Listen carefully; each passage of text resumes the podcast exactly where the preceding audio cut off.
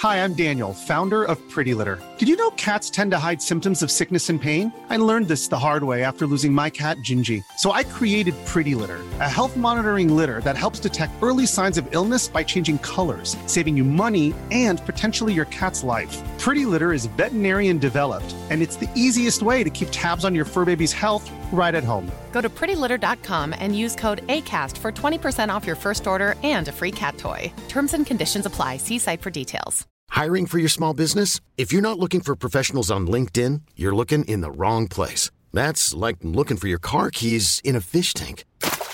LinkedIn helps you hire professionals you can't find anywhere else, even those who aren't actively searching for a new job but might be open to the perfect role. In a given month, over 70% of LinkedIn users don't even visit other leading job sites. So start looking in the right place. With LinkedIn, you can hire professionals like a professional. Post your free job on linkedin.com slash achieve today. There's never been a faster or easier way to start your weight loss journey than with PlushCare. PlushCare accepts most insurance plans and gives you online access to board-certified physicians who can prescribe FDA-approved weight loss medications like Wigovi and Zepbound for those who qualify. Take charge of your health and speak with a board-certified physician about a weight loss plan that's right for you. Get started today at plushcare.com slash weight loss. That's plushcare.com slash weight loss. plushcare.com slash weight loss. Det, er jo, jeg husker en sak med eh, at dere ga en telefon i pakkekalenderen. For, Ja, nå er det jo desember igjen. ja, nå er det desember igjen, så det er det på'n igjen. Så nå er det jo bare å holde pusten. Altså, hva, hva er det i år? Hva blir det i år? Ja.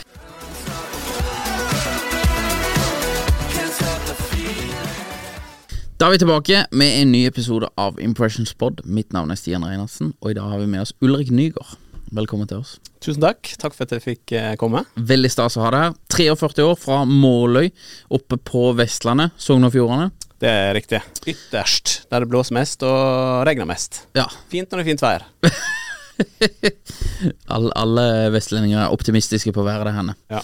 Eh, gift med pilotfrue, eller Juliane, eh, men populært kalt pilotfrue. Og det er jo en av grunnene til at det, det er kalt pilotfrue, det er jo på grunn av at du er pilot.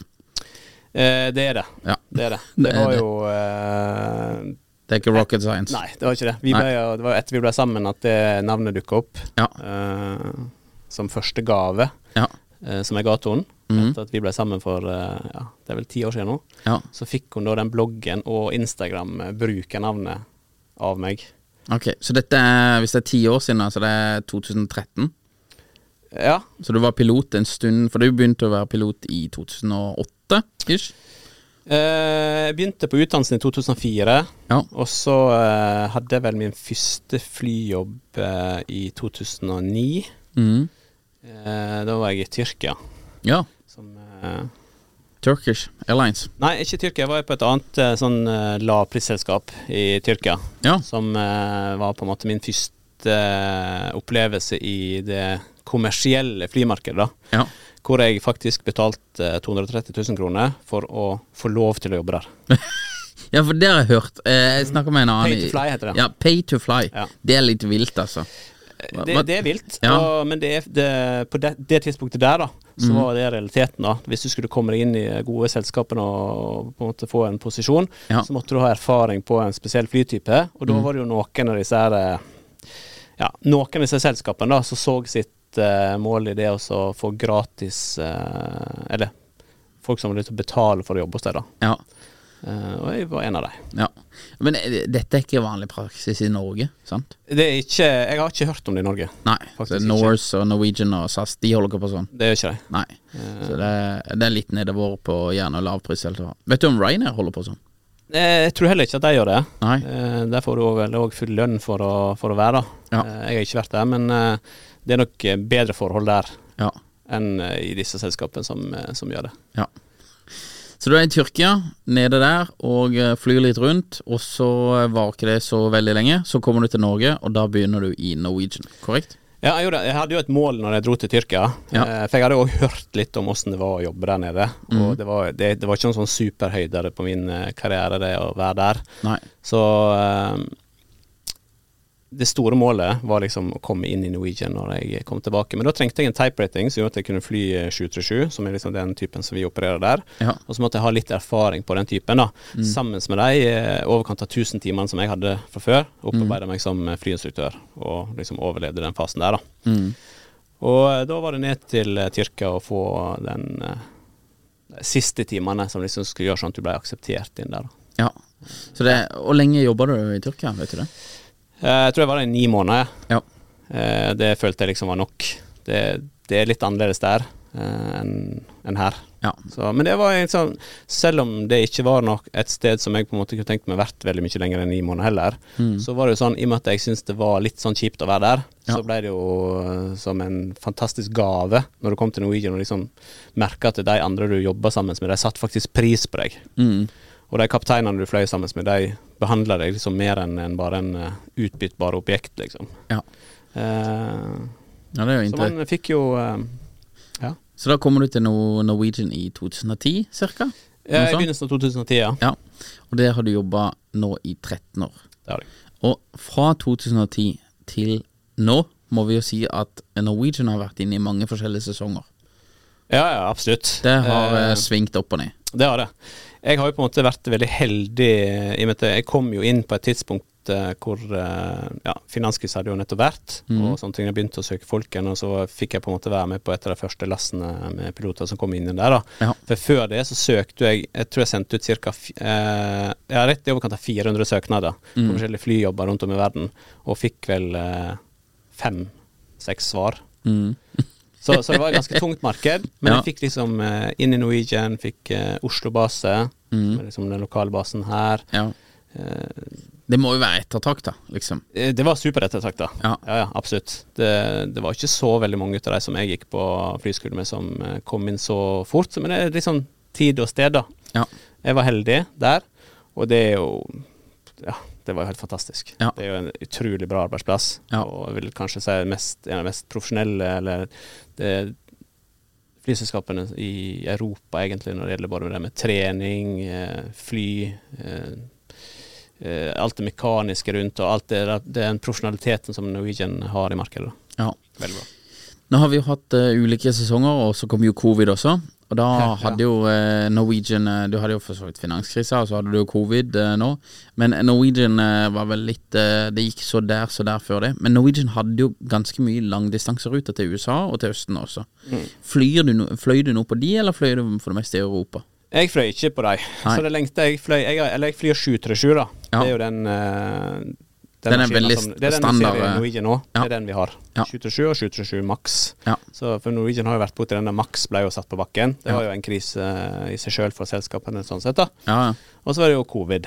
ja. Så, men jeg har aldri eh, et, blitt ettertrakta særlig det å fly så store Så Gran Canaria og Dubai ja. er liksom mine lengste destinasjoner, da. ja, ja. Fløy, fløy du Dubai? Ja, ja. Det var helt fantastisk. Ja, det, var, det kan jeg tenke meg. Jeg fløy, meg og Camilla, kona mi, fløy til Dubai med Norwegian. Én vei, uten skjerm foran i setet. Og så hadde var det, det var ikke lader, husker jeg. Ja, Og, det, nei, det er ikke det fortsatt.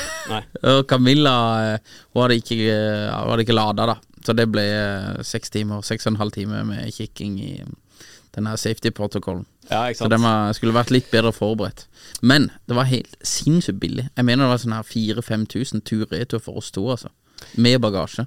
Ja, ikke sant. Det var vilt jeg har billig, aldri altså. flydd der som passasjer med Norwegian, eh, kan du si, da. Men uh, det vil jeg tro. Ja. For det var jo et Sånn så det er vel Det er jo ikke mange som flyr så langt med sånn type maskin, egentlig. Nei. Så- Var det en maks dere der fløy der? Ja, det, vi har flydd med den nå, men vi begynte jo med den vanlige 737-en, da. Ja. Så, så fløy vi dit.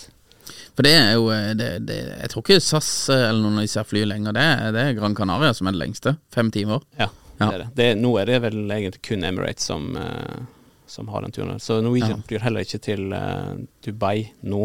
Nei. Men det vil jeg tippe at jeg kommer til å begynne igjen, da. Ja. Får vi, eh, vi får se. Det, det er iallfall veldig spennende. Så du har jobba der i lang tid. Flyr eh, disse her ordinære flyene. Har du noen gang liksom, når du, flyr opp og så bare Jeg tenker at du skal fly litt rundt, eller sånn. Liksom, eller er det liksom vi vi- Nå må vi til Kristiansand, vi bare ikke fly rett, eller liksom kan du ta en liten sånn rundsving eller sånn? Ja, nei, vi kan ikke det. Nei, du kan ikke Vi bare fly eh, litt sånn. vi, vi har jo liksom en um, Det er ikke noen kosetur, liksom. Det er jo kosetur, for- at eh, vi trives på jobb, da. Ja. Så det blir jo kos i seg sjøl, sånn sett. da Men eh, vi, vi har jo strenge retningslinjer. Vi følger jo på en måte Vi har jo en flygeplan som vi på en måte har på forhånd, Ja. og sånne ting. Og eh, sånn, som, sånn som man hører jo folk som gjorde sånne ting før i tida. At Ja. folk liksom kjørte over hytta si for å liksom ta en runde rundt for å se at alt står bra til. Ja. Det er ikke sånn. Vi gjør ikke det, altså. Nei. Det Nei for det, for Har du flydd tomme fly noen gang? Ja, det gjør vi ikke ofte, men fra tid til annen så gjør vi det når vi posisjonerer fly fra, fra et sted til et annet. da. Ja, Så det, det gjør vi. det gjør det. Da er det ikke Men ofte med, kanskje med besetning om bord, da. Ja. Men eh, det er tomt for passasjerer. ja. Men da er det ikke noe sånn du flyr litt sånn rundt? Nei, vi har på en måte samme, samme der. Ja. Vi følger liksom eh, Vi har det som vi kaller SOP, da. Som er Standard Operating Procedures. er det er liksom limet i eh, den operasjonen vi gjør i den bedriften, som gjør at vi alle sammen veit hva vi skal gjøre. Ja. Og så følger vi det, så veit vi hva den enkelte skal gjøre til hver tid. Og det er liksom viktig i en sånn type operasjon. Da. Ja. Har du, eh, har det opplevd Sånn som når eh, korona kommer, da. Så er det jo selvfølgelig en krise for alle, og alle ble jo på en måte satt hjemme. Vi ble jo satt hjemme også, og sjappa her ble jo satt under et veldig press. Eh, og det, det er jo bare sånn det var. Det var Sånn var det for mange. Men det samme er jo for eh, fly, eh, flyindustrien. Den ble jo grounda i en eh, god periode. Ja, sånn så Det var jo nesten omtrent 100 Ja. Flyene ble vel holdt i lufta pga. Ja, noen ruter som staten på en måte ville opprettholde, Ja. som sikkert eh, ble subsidiert der, eller Ja. Jeg kjenner ikke så masse til akkurat det, da, men det var jo et uh, veldig fåtall. Så det Ja. var jo da de kun et fåtall piloter som fløy. Ja. Så jeg var jo veldig masse hjemme. Eh, permittert, selvfølgelig. Mm. Og ja, i mer eller mindre et år så hadde jeg jo liksom Nav som ny arbeidsgiver, da. ja. Det er jo første gang. Åssen opplevde du å liksom plutselig være grounda på noe som du, du har liksom eh, Det er jo for så vidt det samme for alle, men du du har null impact på det. Det er ingenting du kan gjøre, det har ingenting med hvor god jobb du har gjort. Det er bare liksom force majeure, liksom fra uten eh, Fra verden, liksom. Ja, nei, sånn så Jeg så det jo på det på veldig mange forskjellige måter, men eh, det var jo en stor sorg, egentlig. For at, eh, jeg var jo veldig, veldig glad i å fly. Eller er jo veldig glad i å fly. Og nå får du plutselig ikke det. Eh, alt er usikkert framover. Eh, selskapene gikk jo konk i øst og vest. Mm. Eh, jeg skjønte jo det at mest sannsynlig denne krisa kommer til å gå over på et eller annet tidspunkt, men da kommer det sikkert til å være et overtall av piloter som kommer til å måtte søke seg rundt i verden hvis f.eks. Selskap som jeg jobber i, konkurs. da. Mm. Og liksom begynne den der fasen der på nytt. Ja. Pendle, bo et eller annet sted langt vekk fra familie og sånne ting. Så jeg hadde vel egentlig bestemt meg sånn etter hvert, da, at hvis det ble sånn at eh, jeg ikke fikk lov å jobbe der lenger, mm. pga. at det ble stengt ned, så tenkte jeg at det kanskje ikke skulle bli mer flyging. Nei. Jeg hadde ikke flytta vekk fra familien for å, for å fly. Nei. Så du var innstilt på at eh, dette her Ja, kan, jeg var kan på det. Eh, jeg så vel kanskje ikke helt sånn eh, realiteten, eller hvor virkelig det kanskje var nært å bli, da. mm. Men det var liksom en av de tingene som jeg tenkte mye på. Ja. At det, det hadde ikke jeg mulighet eller lyst til. Og når jeg nettopp fått et nytt barn, og det var liksom Ja. Det, det var ikke ja. Det ble like. Plutselig har du base i Kristiansund. Ja, ikke bare det. Sånn så Basen kunne vært i Dubai. Der, Ja. vært, eh, og så jobber du der så og så mange dager, og så skal du fri, og så flyr du hjem, og så skal du hjem i to dager, så må du dra igjen. og så Ja. Rundt omkring i Norge hadde vært én ting, men eh, det store utland hadde jo mest sannsynlig vært et eh, mer nærliggende Ja. Det hadde fort blitt det. Det hadde det. Ja. Du er jo eh, gift med Juliane, aka Pilotfrue. Du sa det var ca. ti år siden hun, dere lagde på en måte Pilotfrue navn og sånn. Mm. Hun har jo mange følgere på Instagram, og det har jo du også fått. Eh, Ja, jeg har jo blitt dratt litt, sånn, litt med, da. Ja. Jeg har ikke jobba veldig masse for å få mange følgere på Instagram, men eh, fått litt sånn gratis av eh, hun, da. Ja.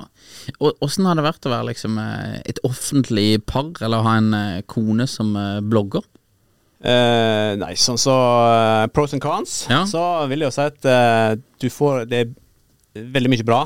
Ja. Og så er det jo selvfølgelig enkelte ting som er ikke så bra, da. Nei. Eh, du får oppleve veldig mye. Mm. Eh, får være med på ting.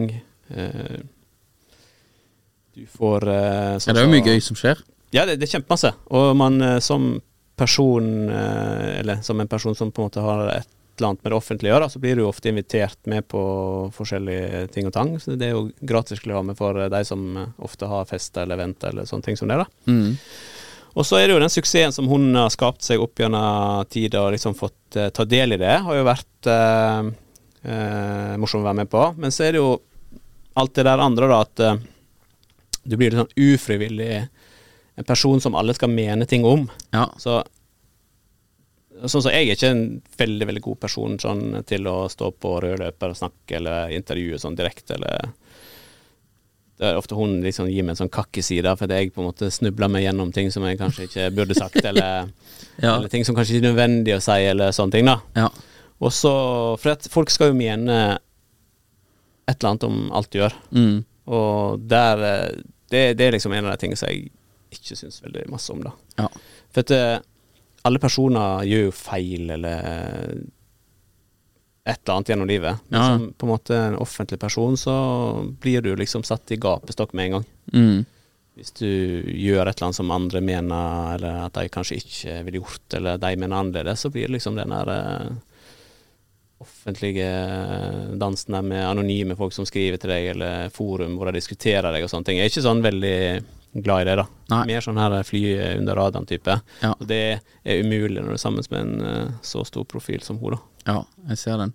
Opplever du deg selv som tykkhuda? da? Eh, egentlig ikke, Nei. men jeg har blitt det. Ja. Uh, jeg føler, Jeg tar meg veldig lite nær av ting som uh, folk sier om meg, da. Ja. Men jeg er ikke veldig uh, tjukkhuda når det kommer til ting som jeg har med barna mine. Nei. Det, da blir jeg, kan jeg lett bli usaklig Mm. og sur og gretten, og det, det, det liker jeg ikke. Nei. For det er et sårt punkt for meg, og jeg ønsker jo på en måte ikke at de på et eller annet tidspunkt skal lese ting om seg sjøl som oftest ikke stemmer heller, Mm. men som kanskje folk mener, da. Ja. Oftest i en mer sånn anonym setting. Ja. Det er jo der folk eh, alltid er tøffest. Ja, det er jo akkurat det, altså. Nei, jeg har eh, Jeg har, eh, jeg, har ikke fått så veldig mye hate opp igjennom, da. Men jeg, når jeg begynte en sånn TikTok-profil for et par år siden, og så la jeg ut sånne tips om sosiale medier, så var det en del som skrev det, ikke bare at jeg var tjukk, men at jeg også var altfor gammel til å prate om sosiale medier. At jeg måtte bare holde kjeft. Ja, Og ja. det, Men eh, det syns jeg Og jeg tenkte det hvis det er for gammel Ja, for jeg hadde jo Så så var det liksom fram og tilbake Så begynte jeg å svare disse her da Og det er jo for så vidt Man burde kanskje ikke gjøre det i det hele tatt da Men det, ja, det det har jeg lært at du ikke skal. For det, og der er det igjen, da. Jeg er ikke så god på det. For det, der er jo noen følelser i sving. Ja. Når, når, og folk finner ofte de tingene og trykker på sånn de Ja, ser at du på en måte blir påvirka, da. ja, Så jeg er ikke god på det. Så Nei. jeg er mer sånn eh, Det å så overse ja, har jeg funnet at det er best for meg, da. ja Det er beste løsninger Ja. Ja, nei, jeg gikk inn i litt sånn der eh, Vi skulle argumentere med disse her da Men eh, Så det, det var faktisk en veldig dårlig strategi Ser jeg nå i ettertid Men jeg måtte, jeg måtte le litt av det der At jeg, at jeg var så gammel altså Og så var det en som sa Ja, jeg er 34 Så jeg er liksom ikke Eller føler i alle fall ikke selv At du er liksom høngammel Nei, nei, ikke sant? Men eh, nei, for det han ene sa at jeg kunne like så godt vært bestefar altså Ja. Tenkte jeg, ok, ja, disse her må jo være 12 år gamle da User 1, Men 2, det, 3 det er jo sånn som folk egentlig mest sannsynlig gjør det bare for å prøve å såre. Ja, ja Eh, folk skriver jo òg til, til oss at han ser ut som faren hennes, at jeg ser jo mye eldre ut enn hun. Og, sånn så, Noen som skrev det? Jeg gjør det sikkert, ja, men eh, sånn sagt, jeg blir ikke veldig Nei. lei meg av det, altså. Nei, jeg skjønner det at det, det er liksom ikke helt sånn det er. Men eh, sånn som det som jeg har funnet kanskje er det beste når det gjelder når, Hvis folk skriver til deg på profilene sånn, at det, det er bare å la det stå. Ja. For det, det finnes jo folk der ute, mange av de som da følger deg på sosiale medier og sånne ting, som kanskje Eller folk som har møtt deg, eller sånne ting, som og da begynner å ta i forsvar. mm. Det er ofte bedre Ja, ja enn eh, at du gjør det sjøl. Ja. Ja, det er kanskje en bedre strategi Ja. enn å la noen ta i forsvar. Dere tar jo noen eh, utradisjonelle valg. Det, det er jo, jeg husker en sak som er der, eh, at dere ga en telefon i pakkekalenderen. For, Ja, eh, nå er det jo desember igjen. ja, nå er det desember igjen, så det er det på'n igjen. Så nå er det jo bare å holde pusten. Altså, hva, hva er det i år? Hva blir det i år? Ja. Men eh, opplever du at dere blir mye misforstått, liksom? Eller at sånn eh, For det, det, en av tingene som Når jeg så den eh, greia, så tenkte jeg ja, det, det er annerledes enn vi har gjort det. Men kanskje det er vanlig, eller liksom Kanskje det er annerledes eh, De, de tenker annerledes på dette med pakkekalender og sånn. Hva, hva tenker du rundt så- dette? Det der med å gi den telefonen, da. Ja. Det, jeg står jo på en måte inne for det at vi ga den telefonen. Mm. For dette, vår intensjon med å gi den telefonen var jo ikke det at eh, han trenger en telefon som, som toåring. nei, nei. Men eh, sånn som vi har jo funnet ut at uh, f.eks. leggerutine hos oss, da, Mm. med Severin, så har det vært sånn at uh, ja, ok, vi kan synge en time, for det syns han eh, er gøy. Det gjør vi ofte. Eller så kan vi uh, høre på lydbok, Mm. at vi er til stede, til stede der i en time. Eller så kan han få lov å se på et eller annet eh, på telefonen sin, som vi har lagt inn der. Da sovner han i løpet av 10-12 minutter. Ja.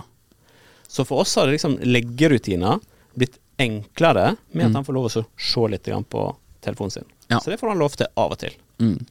Og så er det jo det der med Jeg er veldig masse ute og reiser. Så for Severin, da, når han eh, sånn som nå, han har òg en telefon. Mm. Han ringer meg på FaceTime. ja. Det er koselig, da. Så, så hvis han liksom krangler med mor eller et eller annet, hun sier at han ikke får lov til eller et eller annet sånt, så jeg er ofte vekke fem dager om gangen. Mm. Da kan han ringe til meg, så er vi liksom sånn gutter ja, spør meg om råd og hvorfor det, og mamma er dum akkurat nå. Og, Mm. og så kan eh, vi se hverandre, vi snakker med hverandre, sier god natt, alle sånne ting som det. Og så er det jo besteforeldre som bor vekke. Mm. Selvfølgelig, det her kunne vært gjort med en eh, iPad eller Men jeg ser ikke forskjellene. Nei, nei. Sånn så en, Nei, det er jo bare en liten iPad. det er jo en liten iPad. Ja, ja. Det er jo ikke sånn at de går rundt og har telefonnummer der og kan ringe til folk. Nei. Det er jo at de har, laga en FaceTime-konto til dem med en e-postadresse, og at de kan se på eh, filmer på Netflix. Ja. Og det meste er ofte at de spiller spill.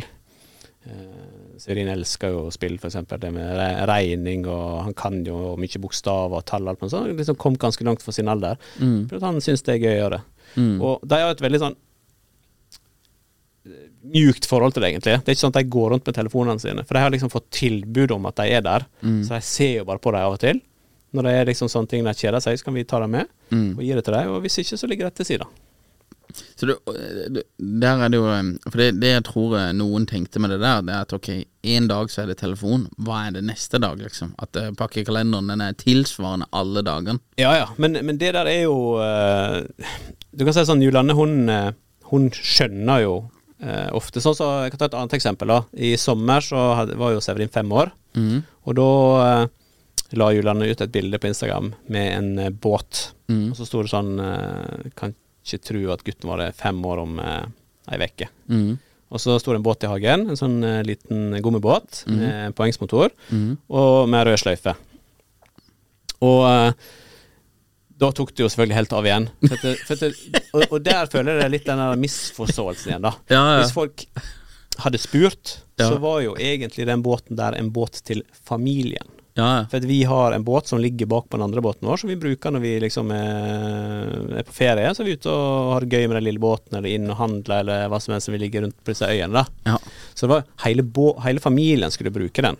Men i, det, i settingen så var det liksom det at det, det var jo barna sin. Litt stas for dem Mm. å på en måte ha Ja, sin egen der, da. Men den var jo kjøpt til familien. Det var ikke sånn at han fikk en gave til 200 000 Ja. på femårsdagen sin.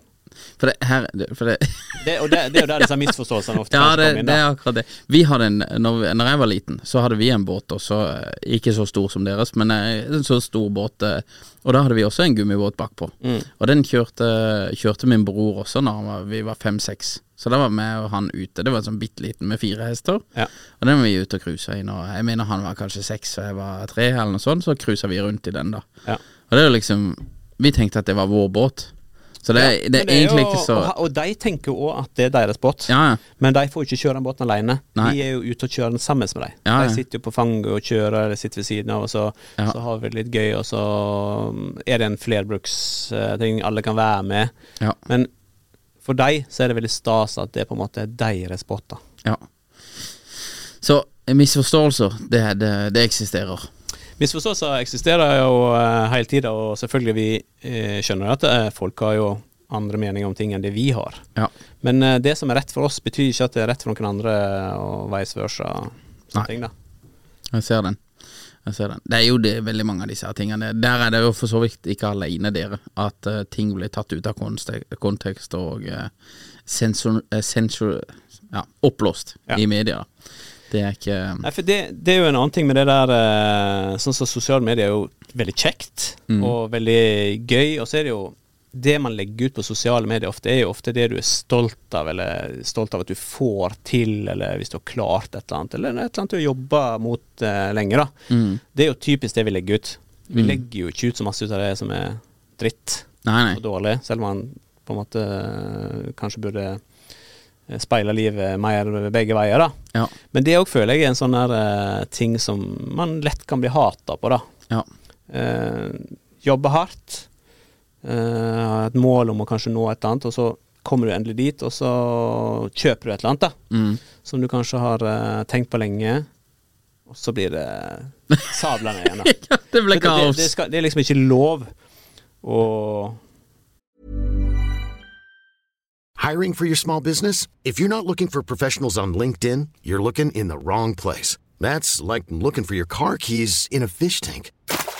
LinkedIn helps you hire professionals you can't find anywhere else, even those who aren't actively searching for a new job but might be open to the perfect role. In a given month, over 70% of LinkedIn users don't even visit other leading job sites. So start looking in the right place. With LinkedIn, you can hire professionals like a professional. Post your free job on linkedin.com slash achieve today. Hi, I'm Daniel, founder of Pretty Litter. Did you know cats tend to hide symptoms of sickness and pain? I learned this the hard way after losing my cat, Gingy. So I created Pretty Litter, a health monitoring litter that helps detect early signs of illness by changing colors, saving you money and potentially your cat's life. Pretty Litter is veterinarian developed, and it's the easiest way to keep tabs on your fur baby's health right at home. Go to prettylitter.com and use code ACAST for 20% off your first order and a free cat toy. Terms and conditions apply. See site for details. Kjøpe noe dyrt eller noe fint. Mm. eh, Selv om du på en måte har jobba hardt for det, og betalt det selv, da. Ja. Det, det er liksom Da er du skrytepave, eller så er du dårlig livsstil, eller nyrike russere, da, folk eh, Alle sånne ting som folk ja. har kalt meg opp igjen til, da. Ja. Det sånn så Har du blitt kalt nyrik russer? Jeg tror jeg har blitt kalt alt som har med sånne ting som det er. Og det, det er jo ikke i nærheten av å på en måte eh, være sånn, føler jeg, da. Nei. Eh, Du har aldri flydd, eh, flydd for Aeroflot, eller? Nei. Nei, det er vel ikke noe Aeroflot. Nei. Nei. det har ikke jeg. Nei, det er greit, det. Nei, ok, så du blir blitt kaldt det meste, da. Ja, det blir ofte det. Ja. Dere har jo et uh, veldig flott hus, og du har også en veldig flott båt. Eh, eller du har flere båter som er veldig flotte. Og eh, du jobber jo åpenbart eh, hardt og står på. Og så du, har du litt sånne her gründerspirer også. Eh, du har jo starta dette her høyhastighetsbevis, for det har kommet nye regler på båt som eh, sier at hvis du kjører over Hvis båten kan gå over 50 knop, så må du ha høyhastighetsbevis i Norge. Ja, båt eller vannskuter. Båt eller vannskuter. Ja. Det var jo nå i fjor det ble innført. Eh, 1. juni i år. 1. juni i år, ja. ja. Så da har du starta høyhastighetsbevis, som er jo da et bevis, for min del, at du er Du er jo en type gründer også. Ser etter muligheter og sånn stadig vekk. Ja, jeg eh, Det gjør jeg. Ja. Og så liker jeg også eh, drive med ting som jeg liker sjøl. Ja. Så hvis jeg på en måte klarer å få til et eller annet rundt det, mm. da veit jeg at eh, sjansen for eh, at jeg skal klare å oppnå suksess, da, mm. den er mye mer til stede enn det å bare jobbe med ting som man ja, ikke har noe særlig forhold til, eller kanskje ikke syns er så gøy, da. Ja, for dette må jo være litt sånn her midt i blinken for det. For det, hvis folk har fulgt deg på sosiale medier eh, de, eh, ja, i noen år, da, så ser du at du har åpenbart et eh, ganske Du har et godt forhold til båt og båtlivet. Liker Jeg båtlivet. elsker båtlivet. Ja. Så det må jo være midt i blinken å plutselig drive med høyhastighetsbevis, da, når dette her kommer. Ja, det, det var det. Ja. Og det er det. Det. Men det som er det litt sånn morsomt med det greiene her, at eh, det starta òg under eh, pandemien. Ja, ok. Det var der jeg på en måte begynte å legge grunnlaget for eh, firmaet, eller Høyhastighetsbevis Norge, da. Mm.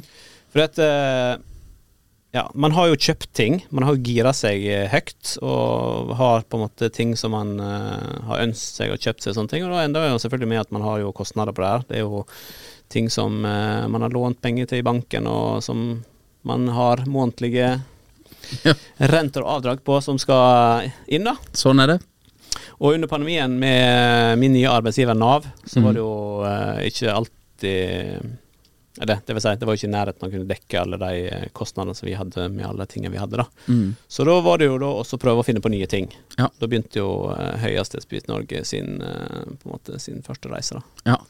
Veldig stas, egentlig. Det er jo eh, Så du tar eh, Hvis vi skal utbrodere litt hva du gjør, da, så tar du med folk, men de må ha hatt De må ha båtlappen før de kan bli med deg inn, eller? Eh, ja, de må ikke ha båtlappen, men hvis du er født etter 1980, så Ja. må du ha det.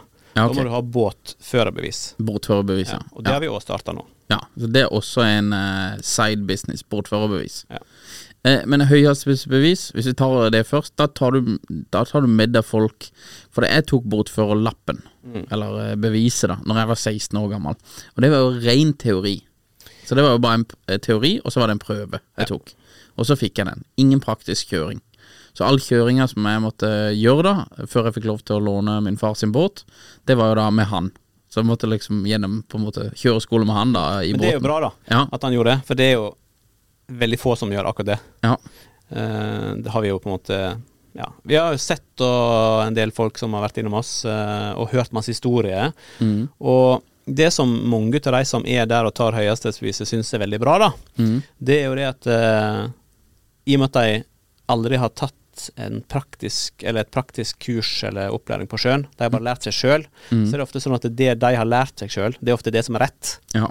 Eh, og så kommer det til oss, og så kan vi på en måte irettesette dem på, en- på en del ting. Da, for når vi skal ut og så kjøre høyhastighetstrening, så er det jo et stykke ut dit. Mm. Og vi gjør jo òg veldig mange andre ting som ikke har med høyhastighet på vei ut dit, som Mm. egentlig er mer tilegna vanlig båtfører. Mm. Og da får vi ofte veldig masse spørsmål. Mm. Når vi kommer her, hva, hva ville du gjort nå? Hva ville du gjort nå? Hva, det, det der, hva betyr det? Og sånne ting. Så folk får ganske mye gratis eh, som ikke har med høyhastighet eh, sånn sett, da. Ja, Eller, eller kursplan. Alt har jo med hverandre å gjøre, men kursplan til høyhastighet har egentlig ikke med de tingene å gjøre. nei. Så eh, det at uh, høyhastighetsbeviset er kommet, har på en måte tvinga veldig mange til å egentlig få et praktisk kurs. Mm. Og jeg tror jo det at i løpet av et par års tid nå, så er høyhastighetsgrensa som du snakket om, som er nå 50 knop, Mm. den kommer til å være mye lavere. Tror du den ble satt ned? 100 Ja. det, det, Når jeg sier 100% det er 100% sånn som jeg tror. Ja. Det betyr ikke at jeg veit noe, eller eh, eller har noen føring på det, men jeg tipper at uh, det kommer til å komme ned på ja, 40 i hvert fall. ja. Et eller annet sted der. For hvis du kjører uh, den båten uh, vi hadde uh, på Sørlandet, min, min, min far sin båt, den gikk 45. Eh, og jeg følte alltid det. Nå, nå har jo jeg for så vidt vi har vært ute og tatt det, det der høyeste beviset med det, og da kjørte vi 70, mener jeg vi var oppi. Eh, 60-70, ja, eller? det er over 60 i hvert fall. Ja, det, jeg følte iallfall alltid at eh, på Sørlandet så gikk 45. Det var ganske fort, altså. Det det. Eh, det, Men, det eh, flytta seg skikkelig. Og 60-70 knop, det er jo Det går jo unna så det ljomer etter, altså. Det gjør det. Og det er jo, hvis du tenker deg bare til bil, da, eh, hvis du, så er det jo eh, naturlig i mitt hode at det burde jo være liksom eh, kanskje mer regler på dette. For det er mange som setter seg i en båt som egentlig ikke har så god kompetanse på dette. Veldig mange. Ja. Eh, jeg vil si at eh, i hvert fall halvparten av de, de som er ute og kjører båter som har eh, ja, potensial for, for å nå 50-knoppen, eller høyhastighetsfartøy, da, Mm. har egentlig ikke erfaring nok til å kjøre dem. Nei. Og det handler òg litt med type skrog eh, som båten har, sånne ting. Som disse båtene med steppa skrog, Mm. som er, er ofte de båtene som blir brukt eh, til høyhastighet. da. De eh, oppfører seg jo annerledes i vannet Ja. enn en tradisjonell vedbunnsbåt, f.eks. Mm. Så um, høyhastighetsspise, det er, det er viktig i aller høyeste grad. Og det er jo en grunn til at det har kommet her. Det er jo ikke sånn at eh, Sjøfartsdirektoratet eller regjeringen sa at nå skal vi bare gjøre det. Nei, nei. De har jo sett eh, en trend her som, eh, som gjør at båtene blir raskere. Ja. Folk har mindre erfaring. Mm. Og folk har jo hatt veldig god råd, og Mm. egentlig bare kjøpt seg ting som de kanskje ikke har kunnskap å føre, da. Ja. For det er litt sånn her hvis, I forhold til bil også, på en måte. Hvis du sammenligner litt med bil, da, så er jo eh, en bil kjører du ofte veldig mange flere dager i år også. I Norge så er jo sommersesongen litt kort, mener noen. Mm. Så du har liksom, ja ok, eller si du kjører båt fire måneder, da. Så er det veldig sånn begrensa hvor mye båt du får kjørt også. Hvis ikke du er som det og kjører hele tiden, Ja, det er jo det. Sånn som Men- vi har jo kjørt med, Vi har jo vært ute med den båten 300 timer Ja. i, i år. Men eh, det er ikke mange Som privatperson, eller som folk flest, så er Mm. det ikke mange timer, selv om det er fire måneder, fire-fem måneder sesong, så er det ikke mange timer du er ute på der. Så du får ganske lite trening, egentlig. Det er ferskvare, så det du kunne i fjor, Ja. det har du som regel glemt Ja.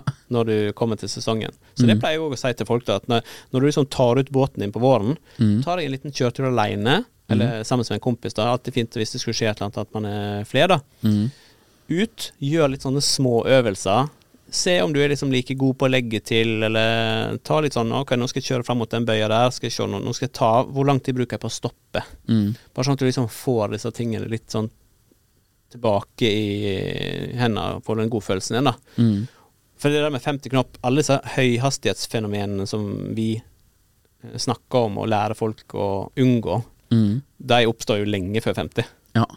Det er bare fra 50 knopp og opp, så da begynner det å bli ekstremt. Ja. Hvis du tverrer en båt i 50 knopp, Ja. så er det ekstremt stor sjanse for at det kommer til å gå veldig, veldig, veldig ille. Ja, ja det, jo, det, det går jo voldsomt unna, altså. Så det er jo eh, Nei, det, folk må kunne mer. Mm. Båtførerbevis eh, Norge. Eh, begge disse her heter Høyhastighetsbevis Norge og Båtførerbevis Norge. Veldig gode navn, Ja. det må jeg si. det, det, det. Båtførerbevis Norge, inneholder det også en praktisk del hos dere? Eh, det gjør ikke det. Nei. For dette, det er ikke pålagt. Så, så det kunne på en måte ikke vi heller legge inn i, i kurset. Vi forholder oss jo det som er den obligatoriske eller lovpålagte delen som du må ta mm. eh, på de båtene du fører. Men eh, vi tilbyr òg det å, å være med ut. Mm. Eh, praktisk til. Og skal ha òg da egne kurs, som når vi tar båtfører eh, Når du på en måte tar båtførerkurs eh, via oss, da, så vil du få tilbud om, om du ønsker, å være med ut og, gjøre en praktisk eh, trening. Ja. Hvor vi liksom går ut eh, alt fra det med sikkerhetsstyr, ta på seg på riktig måte, tauverk, fortøying, eh, ja, legge til. Ja. Basic ting som gjør at eh, du liksom skal kunne ferdes tryggere og bedre på sjøen med litt mer eh, ja, litt høyere selvtillit. da. ja. Det tror jeg mange trenger. Eller så trenger kanskje folk lavere selvtillit. Ja, men det, det er liksom Har du godfølelsen, da? For det er det som vi, vi ofte ser. De som er veldig usikre mm. på ting, de gjør det for det. Ja. Men de gjør det bare veldig dårlig. Ja. Sånn som Vi har jo folk som liksom kommer og skal kjøre fort, Mm. og, hvis, og som de har jo uh, inntrykk at nå skal jeg kjøre veldig fort, så nå må jeg holde meg skikkelig godt fast. Mm. Og det, der er jo på en måte en ting som jeg sier sånn Hvis du føler at du må holde deg veldig godt fast, Mm. da, er du allerede, da kjører du allerede for fort. Ja. Sant? Så heller hvis du da kjører med Ja, selvtilliten går på, på at du har høyt kunnskapsnivå, da. Mm.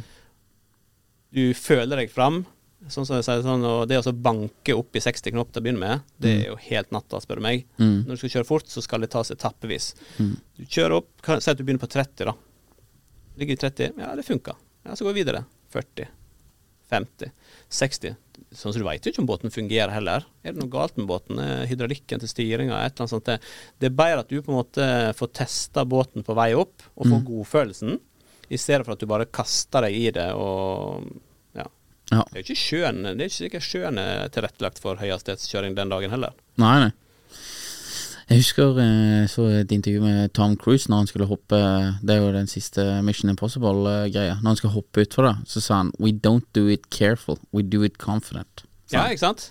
At det var bedre å være full eller liksom confident enn å bare være kjempeforsiktig, eller prøve å være forsiktig, for da blir det ofte nesten for forsiktig, eller liksom Ja, ja. Ja.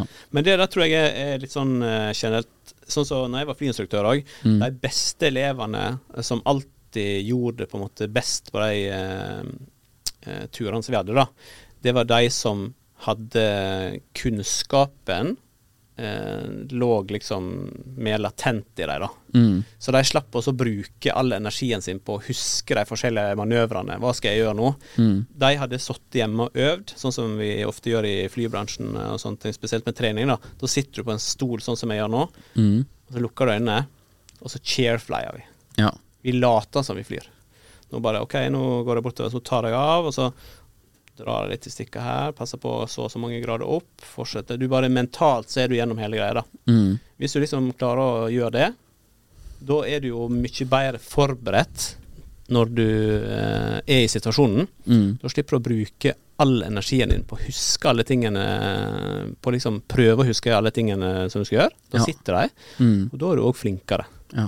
Da har du mer eh, til overs for å ta imot informasjon som kanskje vi kommer med, eller sånne ting. da. Mm. Så når jeg starta og bygde opp firmaet Høyhastighetspris Norge, så Mm. tok jo jeg, eller la jo grunnlaget ganske ut fra det som sånn som vi gjør det i flybransjen. Mm. Så hele vårt kvalitet- og sikkerhetssystem er bygd sånn som vi har det i flybransjen. ja, ok.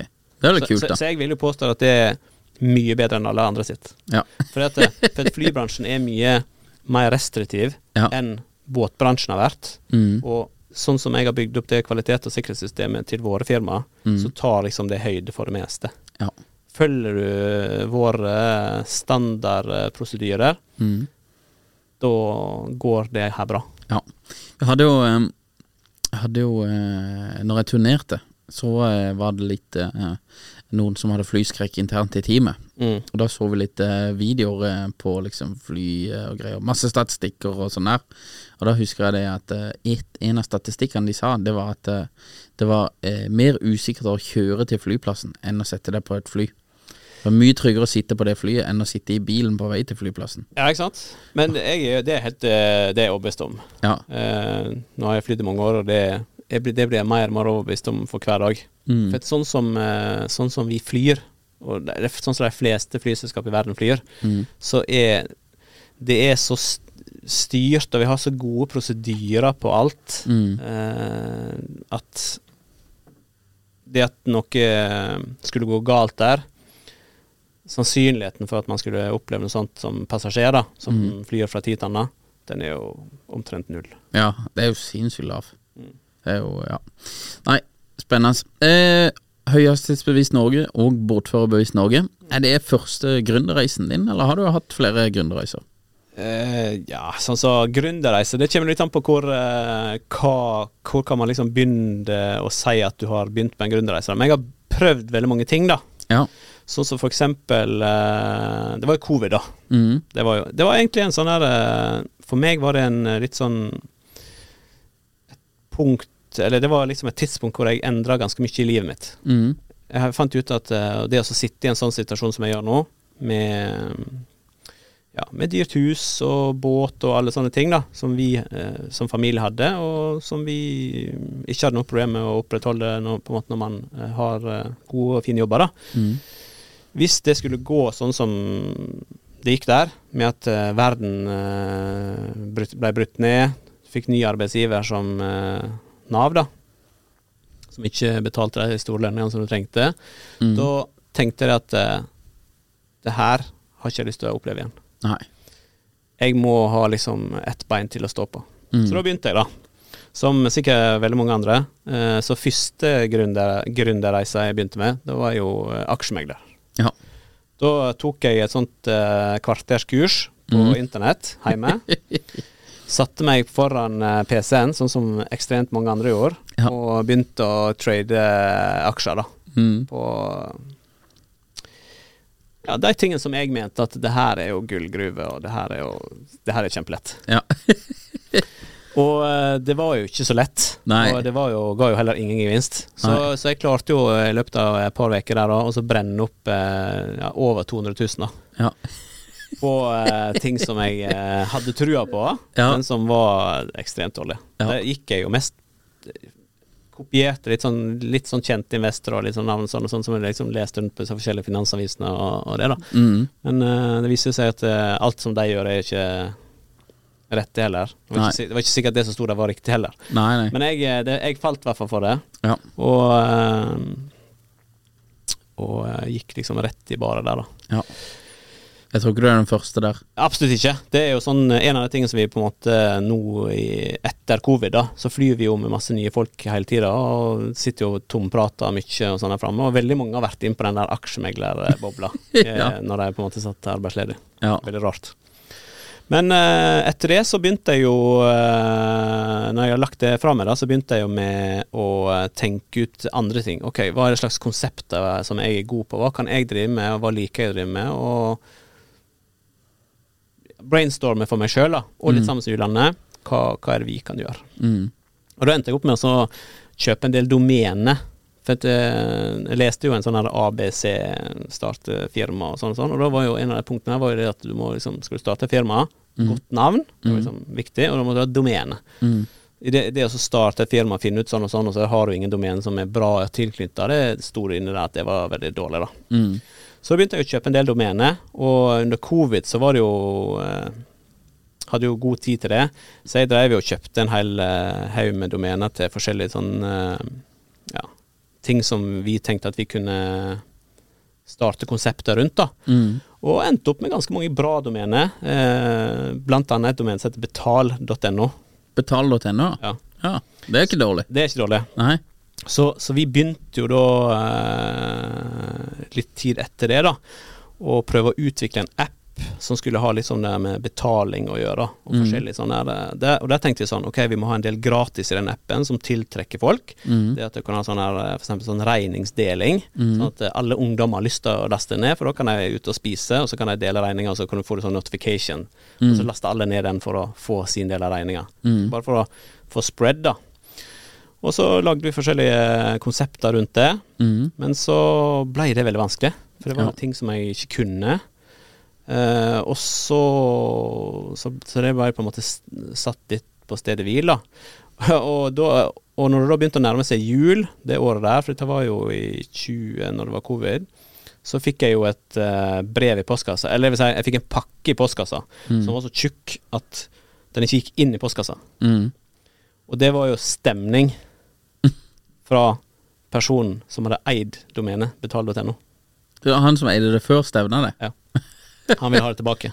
Ja, ok, Hvorfor det? Du, hadde ikke du kjøpt det på nettet? Kjøpte det på uh, Domeneshop. Ja. Lå uh, Hvis det ligger fritt- der, så er det jo fritt. ja, fritt. ute, som uh, hvem som helst kunne kjøpe det. Ja. Men det var da en person som hadde ja, surra med regning eller et eller annet, da. Mm. Så gjorde at han hadde mista det, men mente da at han ville ha det tilbake, da. Ja.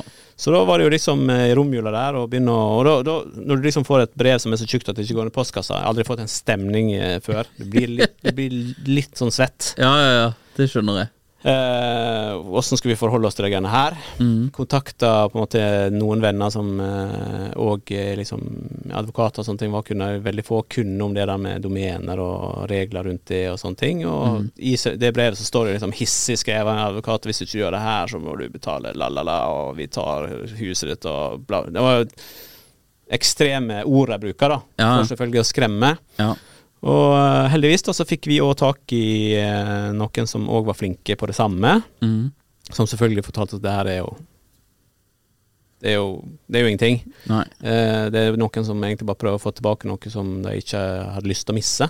Nei. Og prøver å egentlig lure deg til å Ja. gi det fra deg. Bare skremme deg. Ja. Ja. For det var jo ikke noen grunn til at vi skulle misse det. Vi hadde jo kjøpt uh, ærlig og redelig. Ja, ja. Eh, så ble det litt sånn fram og tilbake der, og endte opp med at uh, han ga seg til slutt, da. ja, ok, så det ble ikke noe?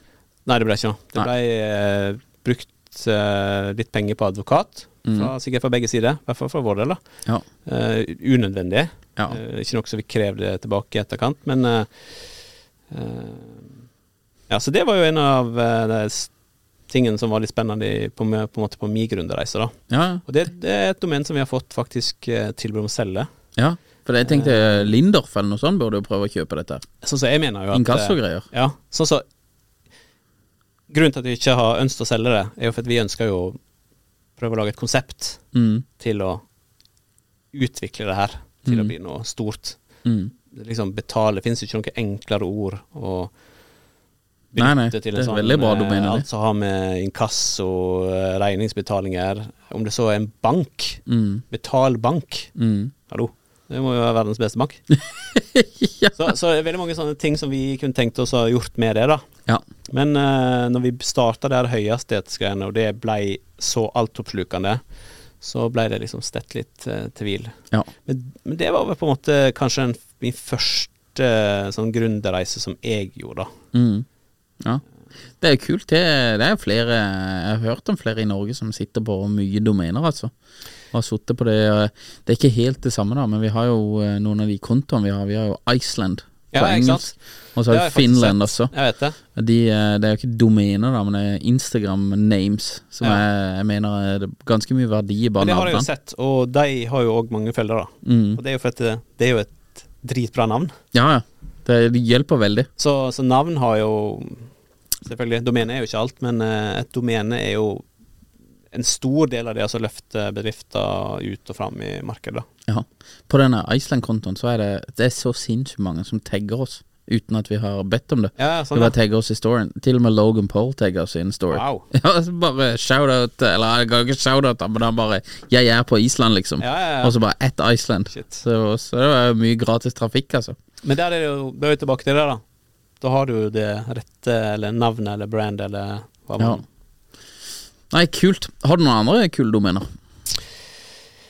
Eh, ja, sånn så når man satt eh, Det var jo covid igjen, da.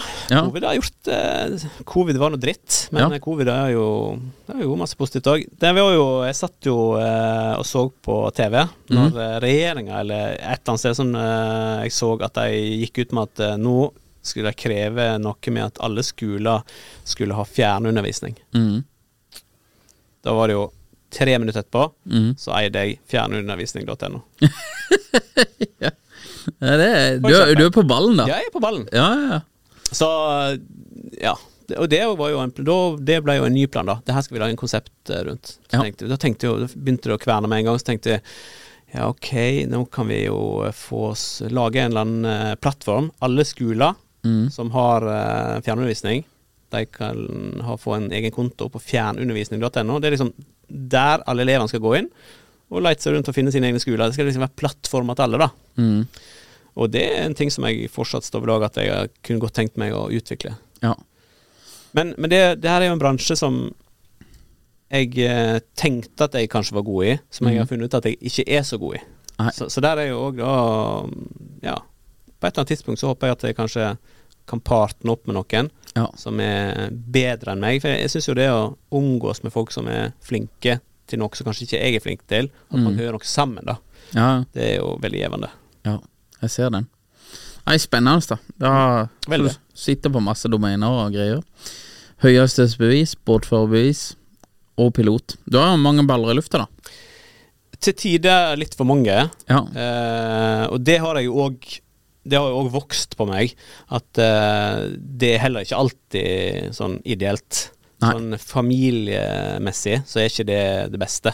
Sånn gründertilværelsen i en familiesituasjon Mm. uh, skaper litt konflikt eh, av og til. Vi har jo snakka om ting ofte, at uh, nå skal vi gjøre det her, og det kommer til å ta så og så masse tid, så respekterer vi hverandre litt overfor det. Mm. Men det, det tar jo alltid mye mer. Ja. Det jo, du kan jo gange det du hadde planlagt å bruke, kan du gange med to og kanskje tre. ja. Så eh, jeg har funnet at eh, jeg må konsentrere meg mer om eh, de tingene jeg er god på, som mm. jeg ikke trenger å på en måte bruke for mye tid med å søke rundt og egentlig ja, virre rundt i et kaos og ting som man ikke, kanskje ikke får til. da. Mm. Så derfor har vi liksom landa på det her høyhastighetsbeviset og Ja. båtførerbeviset, liksom. Og, ja. og løfta egentlig det opp og fram. Mm. Og det tror jeg vi kommer til å se blir enda større i tida framover. Ja, det tipper jeg også. Det virker jo som du trives veldig godt med det, så det er jo liksom Det er godt fundament bare der. Ja, det er det. Og nå, allerede nå til sesongen neste år, så ansetter vi to nye instruktører pga. Ja, okay. etterspørselen som vi, som vi hadde. da For Ja. Vi fikk ikke dekka opp alt. For jeg er jo ute og flyr, Mm. og det er jo på en måte min hovedokkupasjon. da Mm. Og da fikk ikke vi dekka inn alle kurs som vi på en måte ønsket å dekke. da Nei, jeg ser den. Ulrik, vi eh, runder av. Ja. Tusen takk for at eh, du kom, og tusen takk for at du delte. Og så ønsker vi deg lykke til med både eh, båttingene dere holder på med, og også hussalget. Det er jo, vi ser jo det at eh, det er jo en god del hus som går for ganske mye penger for tida. Så det er jo eh, glohett varm eh, marked i toppen. Det er det. det er, vi er fortsatt eh, positive til at vi skal få solgt huset på et eller annet tidspunkt, men eh, vi vil ikke gi det vekk. Nei, nei, nei. Så eh, Det skjønner jeg. vi sitter fint og venter til rett person skal komme. Ja. Plutselig kommer det. Det var noen som sa til meg når jeg skulle selge denne leiligheten på Løren. Du trenger bare én kjøper. Ja, men du gjør det. Ja. Så sa jeg Please show him to me. Ja, Or her. exactly. Men det kommer til slutt. Det gjør det. Kommer til slutt. Ulrik, alltid trivelig å prate med deg. Takk for at du kom. Tusen takk for at jeg fikk være her. Hi, I'm Daniel, founder of Pretty Litter. Did you know cats tend to hide symptoms of sickness and pain? I learned this the hard way after losing my cat, Gingy. So I created Pretty Litter, a health monitoring litter that helps detect early signs of illness by changing colors, saving you money and potentially your cat's life. Pretty Litter is veterinarian developed, and it's the easiest way to keep tabs on your fur baby's health right at home. Go to prettylitter.com and use code ACAST for 20% off your first order and a free cat toy. Terms and conditions apply. See site for details. Hi, I'm Daniel, founder of Pretty Litter. Did you know cats tend to hide symptoms of sickness and pain? I learned this the hard way after losing my cat, Gingy. So I created Pretty Litter, a health monitoring litter that helps detect early signs of illness by changing colors, saving you money and potentially your cat's life. Pretty Litter is veterinarian developed, and it's the easiest way to keep tabs on your fur baby's health right at home. Go to prettylitter.com and use code ACAST for 20% off your first order and a free cat toy. Terms and conditions apply. See site for details.